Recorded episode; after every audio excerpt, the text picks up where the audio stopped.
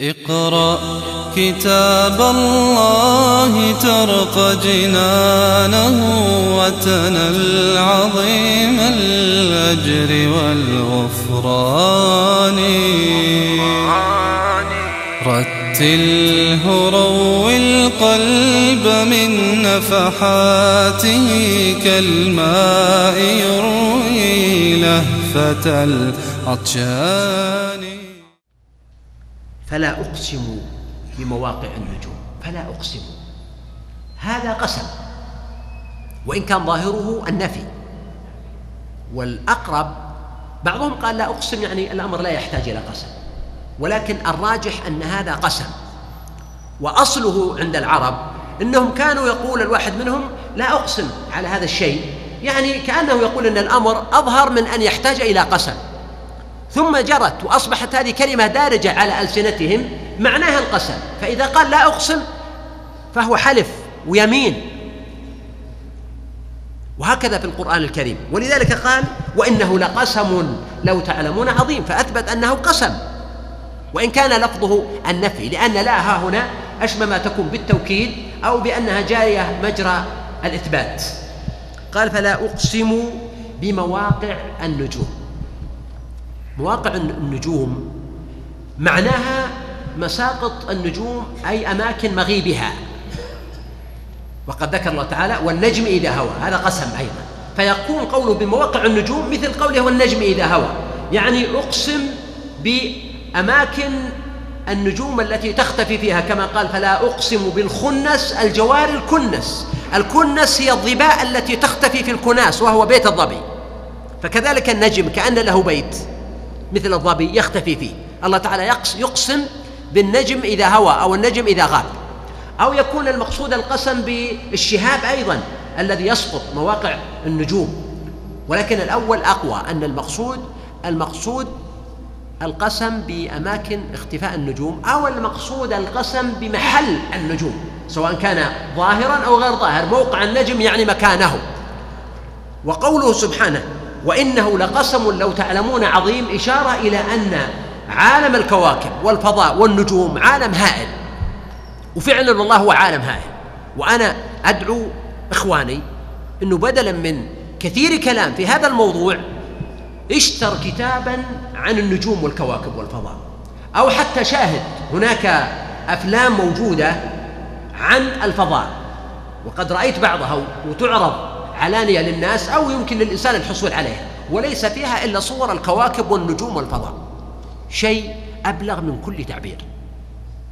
يعني ترى عالم مفاجئ بالنسبة لك وضخم وهائل وعجيب ومذهل وأيضا كل هذا الشيء الذي تراه ليس إلا شيئا يسيرا يسيرا جدا بالقياس إلى ما لا يراه الناس التي لم يصل إليها التصوير.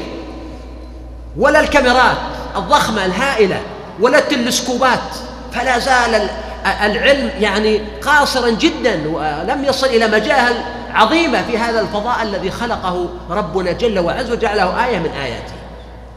ولهذا قال وإنه لقسم لو تعلمون عظيم. وهنا في معنى لطيف أيضا.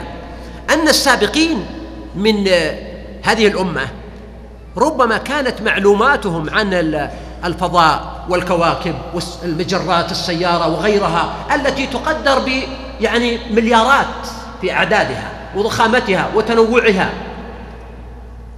كانت معلوماتهم محدودة. ولكن كان إيمانهم قويا.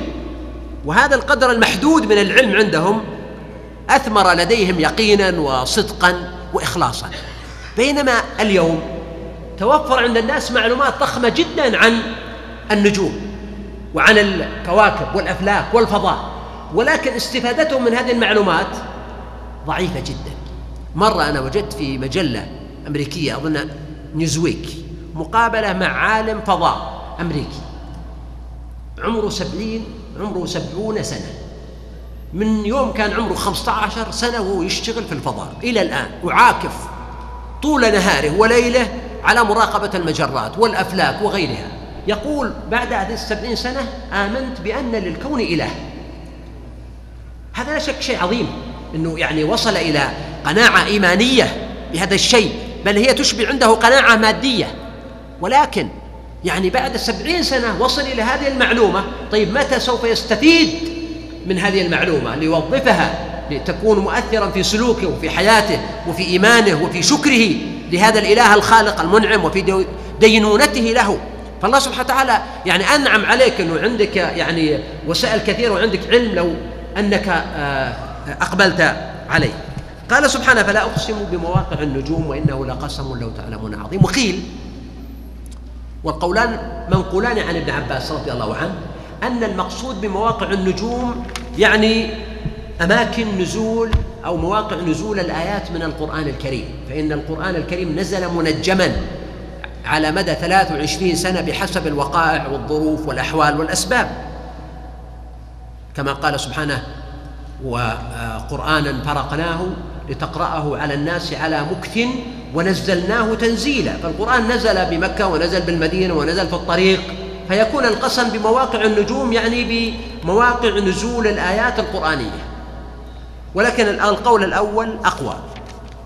إنه لقرآن كريم في كتاب مكنون. يعني هذا الذي تقرؤونه وتسمعونه وتخاطبون به إنه لقرآن كريم. فهو مقروء. يقرأه عليه لتقرأه على الناس. وهو مكتوب ولذلك سماه كتابا. ذلك الكتاب لا ريب فيه. وكريم كريم عظيم من الله سبحانه وتعالى. في كتاب مكنون. هذه من الآيات التي فيها إشكال. عند المفسرين. هل المقصود بالكتاب المكنون المصحف الموجود الذي كتب فيه القرآن؟ ولم يكن موجودا آنذاك لأن النبي عليه الصلاة والسلام مات والقرآن لم يجمع في كتاب واحد. ولكن لا مانع من الإشارة إليه باعتبار علم الله سبحانه وتعالى بأن ذلك سيحدث.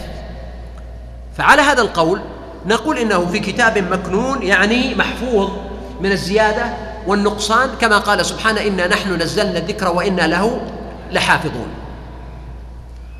وعلى ذلك يكون قوله لا يمسه إلا المطهرون دليل على أنه لا يجوز أن يلمس المصحف إلا إنسان متطهر متوضي. وابن القيم رحمه الله ضعف هذا القول من عشرة أوجه.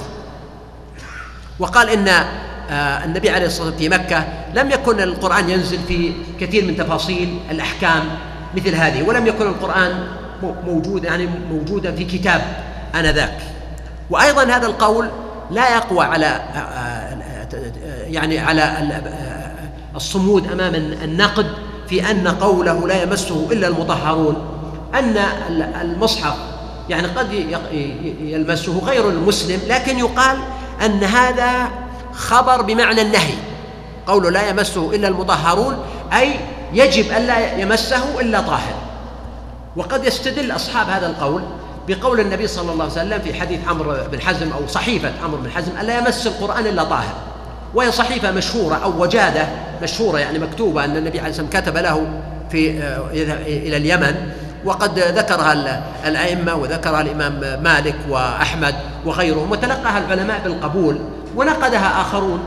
وحتى على صحتها فإن دلالتها على هذا المعنى ليست بالقوية لأن المطهرون لا يدل على المتوضئون يعني ليس في لغة القرآن أن المتوضئ يسمى مطهرا وهذا ليس آه، موجودا. ولكن قد يستدل لمنع مس المصحف للإنسان غير المتوضي بأدلة أخرى وابن ابن تيمية رحمه الله ذكر أن هذه الآية وإن كانت لا تدل على ذلك لكنها تومي إليه إيماء.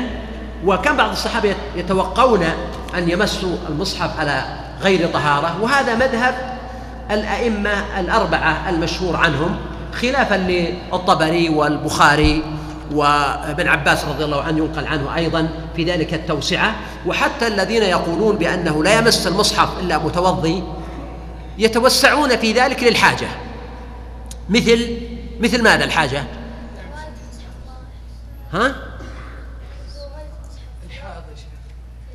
لا الحائض غير مثل الطالب الذي يتعلم الطفل الصغير صعب تكليفه بالوضوء دائما والمعلم معلم الذي يعلم الطلاب بانتظام ويصعب أن يكون أيضا دائما على طهارة. الإمام مالك سئل عن ذلك قال أرجو أن لا يكون به بأس. وهذا مأخذ جيد أنه يتوضأ. ينبغي أن لا يمس المصحف إلا متوضئ. ولكن إذا كان هناك حاجة كمعلم أو متعلم أو ما أشبه ذلك فلا حرج في هذا لأن هذا له حاجة وليس في المسألة يعني نص صريح صحيح يتعين المصير إليه وإن كان هذا يعني قول جمهور أهل العلم وينبغي الاعتبار به. آه، آه، أما قراءة القرآن فإنه بإجماع العلماء يقرأ القرآن المتوضي وغير المتوضي. بالإجماع. يعني ولو كان على الإنسان حدث أصغر فإنه له أن يقرأ القرآن. أما إن كان جنبا إن كان على جنابة فالجمهور أيضا على أنه لا يقرأ القرآن. وفي ذلك حديث لا يصح ولكن كان الصحابة رضي الله عنهم يتجنبونه ويتوقونه أن يقرأوا القرآن وهم على جنابة إلا أن يقرأ الواحد منهم الآية أو الآيتين فهذا أيضا وسع فيه بعض أهل العلم.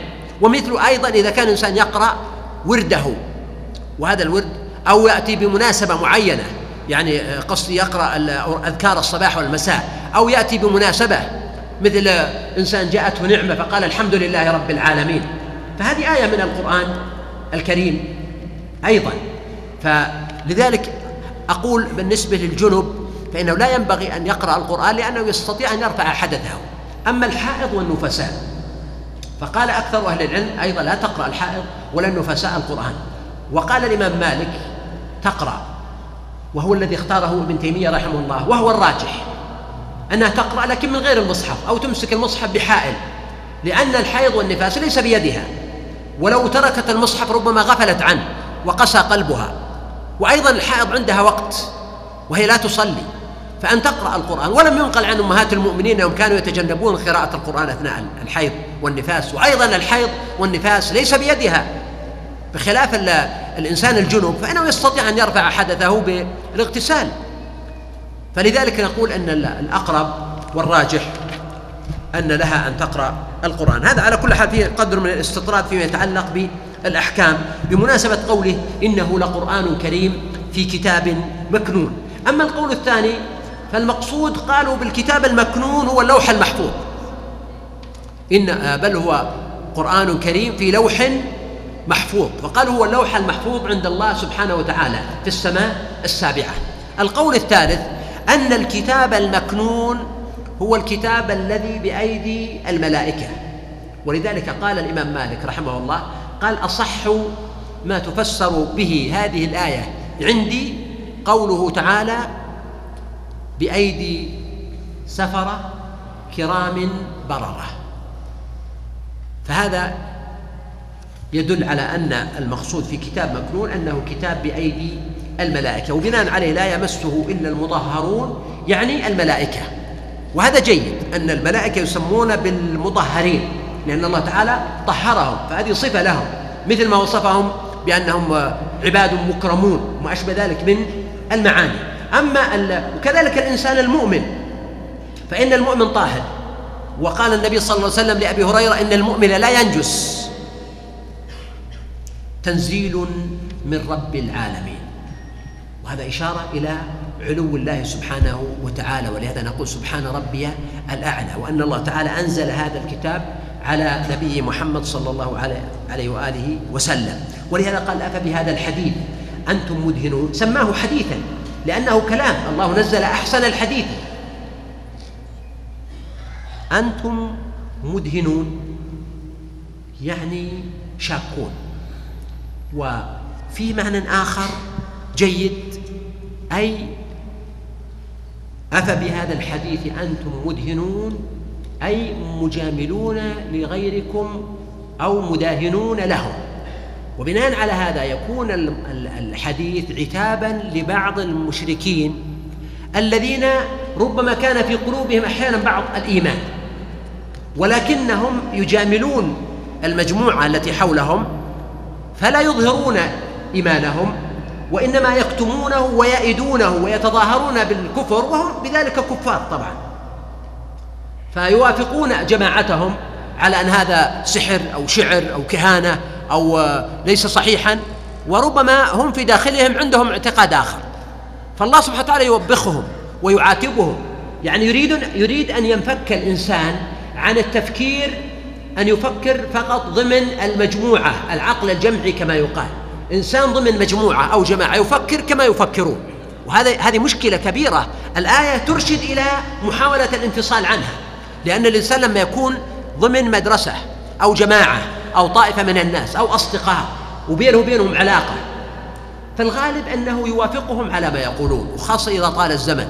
عندهم آراء واجتهادات وأقوال فقهية وآراء سياسية فهو يوافقهم على هذه الأشياء وقد يخالفهم في جزئيات لكن الأصول يتفق معهم فيها لماذا؟ لأنه لو خالفهم ربما سبوه أو آذوه أو اتهموه أو عيروه أو انتقدوه فهو حريص على التواصل معهم وحريص على أن لا يتعرض لتأثيم أو تعيير أو عيب فيحافظ على هذه الأقوال لمجرد أنه يدهن يداهن من حوله هذه عقلية مشكلة جدا وذلك الله سبحانه وتعالى قال قل إنما أعظكم بواحدة.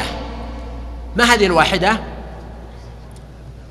أن تقوموا لله مثنى وفرادى ثم تتفكروا. ما بصاحبكم من جنة يعني الإنسان لو فصلت عن مجموعته وجعلته في جو خاص وبدأ يفكر سيصل بالتأكيد بعد ما ينفصل تأثيرهم عليه يبدأ يفكر بطريقة مستقلة يستخدم عقله وإمكانياته وخبراته السابقة. ونفسيته وروحانيته ويتضرع إلى الله سبحانه وتعالى فيصل إلى نتائج مختلفة. أن تقوموا لله مثنى وفرادا اقرأ كتاب الله ترق جنانه وتنل عظيم الأجر والغفران. رتله روي القلب من نفحاته كالماء يروي لهفة العطشان.